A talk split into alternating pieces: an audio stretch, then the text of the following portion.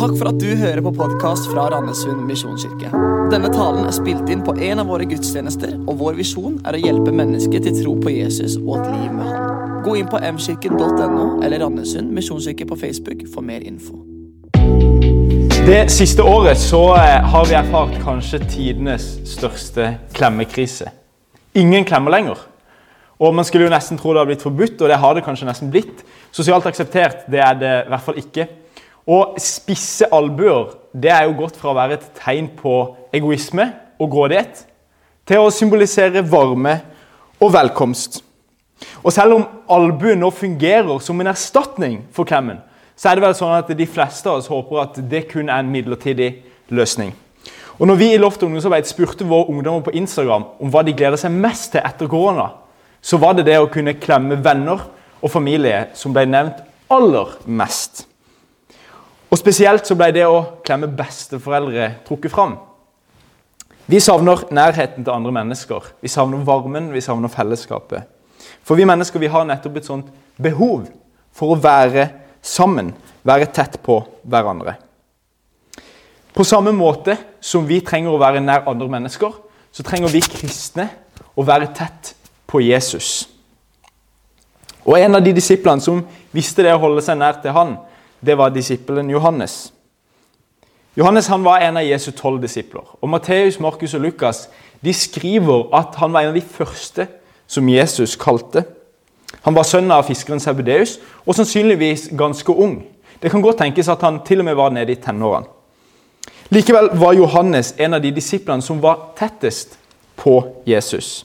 Han var en del av Jesu aller innerste sirkel sammen med broren Jakob og Simon Peter. Og det er sånn at Disse tre får noen ganger være med på noen ting som resten av de tolv ikke får være med på. At det er akkurat disse tre som er med, det er nok en god kombinasjon av både Jesu prioritering og av de sitt eget engasjement. Johannes han hadde nå i hvert fall en evne til å være der Jesus var. Han var tett på, han var nær hele veien. Og Vi er inne i taleserien 'Påska som forandrer alt'. Og I dag så skal vi se på hvordan påska forandrer alt for Johannes. Og Dagens budskap det er det holder å holde seg nær til Jesus. Og Da har jeg to ting jeg ønsker å belyse for dere. Og Det ene er Johannes sin trofasthet under korsfestelsen. Og det andre det er Johannes sin overbevisning i møte med den tomme grava.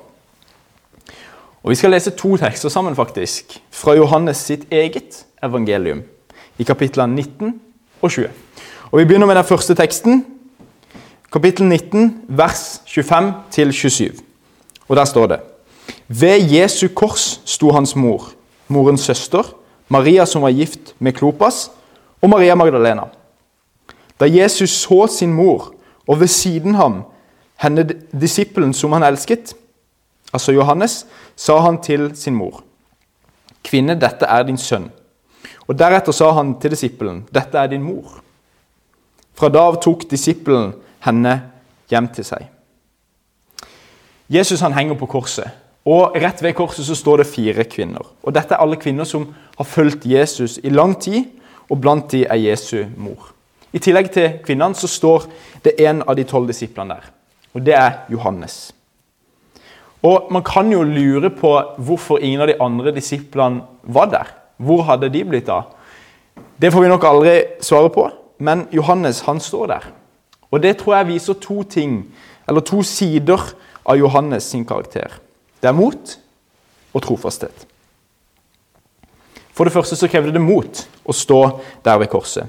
Jesus han var dømt som en hykler og bedrager. En mann som hadde gjort skam på den jødiske troa. Og Peter han hadde jo ikke engang turt å si at han kjente Jesus når han ble stilt til veggs rett før korsfestelsen. Nettopp i frykt for å bli straffa for det. Johannes og kvinnene som sto der, de kunne nemlig bli straffa for å stå der ved korset og på den måten vise sin støtte til han de mente var sin Messias. For det andre så viser Johannes trofasthet. Jeg vet ikke hvor mye tro som var igjen hos Johannes.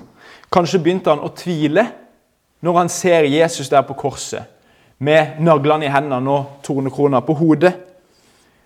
Men én ting er sikkert. Han skal ikke være den som svikter Jesus.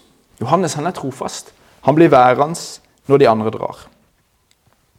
Og Kanskje er det nettopp denne trofastheten Johannes viser, som fører til det oppdraget som han blir betrodd å forsørge Jesu mor. Og Dette kan vi tro av flere grunner. Oppgaven som blir gitt til Johannes, den er ikke kortvarig karakter.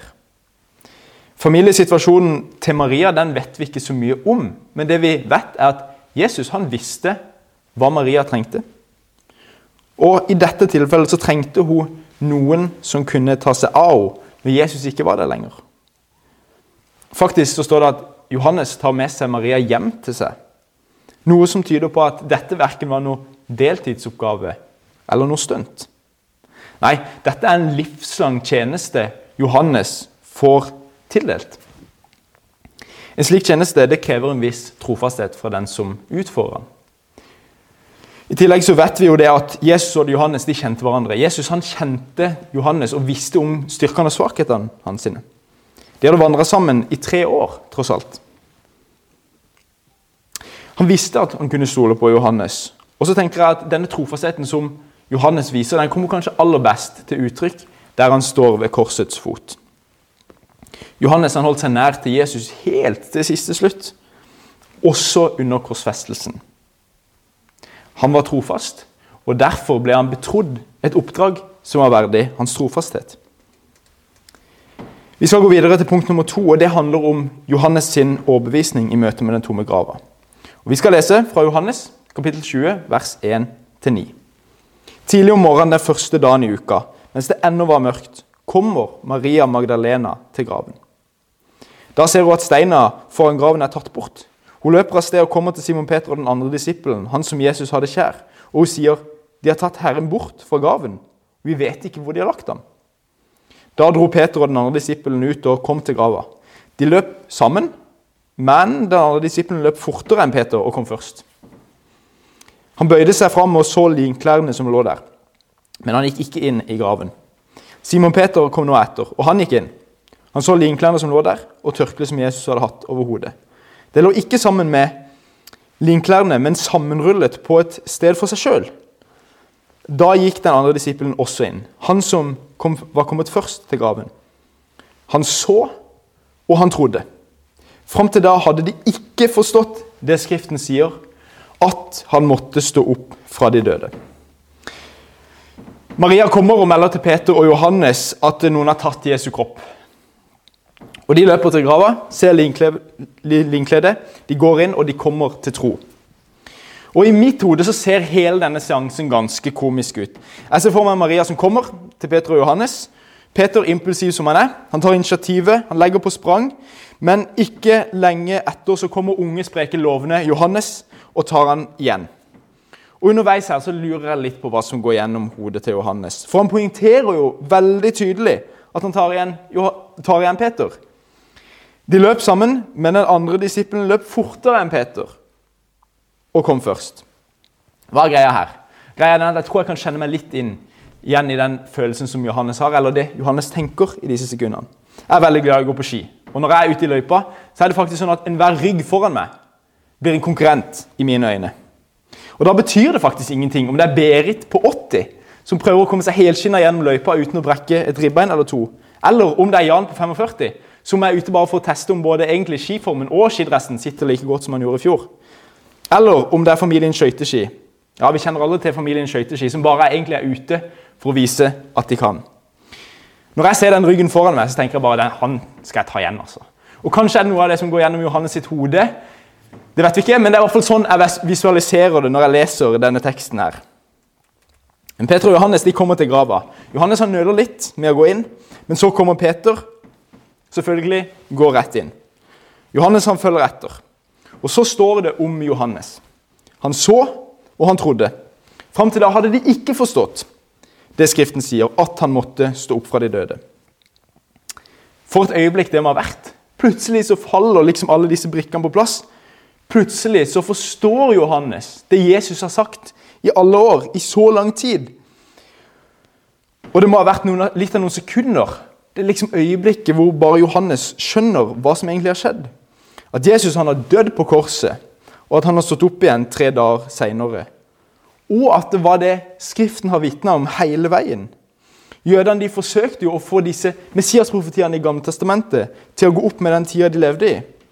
Og nå står Johannes der, i den tomme grava, og så forstår han at disse profetiene som han kjenner til, ja, de vitner om hans egen mester, Jesus. Men er det selvsagt at han kommer til denne konklusjonen? Er det en selvfølge at han ender opp med å tro dette? Nei, det er jo egentlig ikke det. For når Maria Magdalena kommer til Peter og Johannes, så sier hun de har tatt Herren bort fra gaven. Og vi vet ikke hvor vi skal finne han, vi vet ikke hvor de har lagt han. Altså Maria Magdalena hun tror jo at det har vært et innbrudd her. Det er noen som har tatt Jesus. Så hva er det da som gjør at Johannes han kommer til tro? Johannes han kjente Jesus. Han hadde hørt alle de gangene han hadde snakka om sin egen døde oppstandelse. Og når Johannes nå står i den tomme grava, så skjønner han, nettopp fordi han har vært tett på Jesus i så lang tid. Han har vært nær Jesus i mange år. Han kjente han. Samtidig så har han ikke forstått helt hvem han er, men der går det opp for han. Ja, Johannes han holdt seg alltid nær til Jesus. Og i påska så får han virkelig igjen for sin trofasthet. Han får et helt spesielt oppdrag av Jesus, og han kommer til en ny tro på hvem han er. For Johannes så holdt det å holde seg nær til Jesus. Og greia er den at det holder for oss også. Av og til så prøver vi kanskje hardt med å finne vår plass, vår oppgave og vår tjeneste. Og så glemmer vi kanskje det aller viktigste, nemlig det å holde oss nær til Jesus. Vi kan av og til også bli opphengt i å skape vår egen tro gjennom våre egne rettferdige gjerninger. Men så glemmer vi å holde oss nær til vår mester. Det holder å holde seg nær til Jesus. Og akkurat dette er jo skremmende relevant også på den dagen det er i dag. På skjærtorsdag. Dagen hvor Jesus vasker disiplenes føtter. Hvor de deler det siste måltidet sammen, og hvor Jesus innstifter nattverden. For gjennom nattverden så både minnes vi Jesu døde oppstandelse, og vi erkjenner også vårt ønske om å være nær til Jesus. Johannes han har lært oss at det viktigste vi kan gjøre, det er å holde oss nær til Jesus. Og Johannes sin påske den ble forandra pga. at han gjorde nettopp dette. Og greia er den at han kan forandre din påske også. Jeg skal ta og be. Kjære Jesus, jeg takker deg for at uh, du er nær oss, far. Og jeg takker deg for at vi har muligheten til å holde oss nær deg også. Takker deg for at gjennom Guds ord, gjennom bønn og gjennom fellesskap så kan vi få erfare hvem du er, Jesus. Og så ber jeg deg, far, om at eh, gjennom det vi har lært i dag om Johannes, at det kan motivere oss til å søke deg på nytt, far.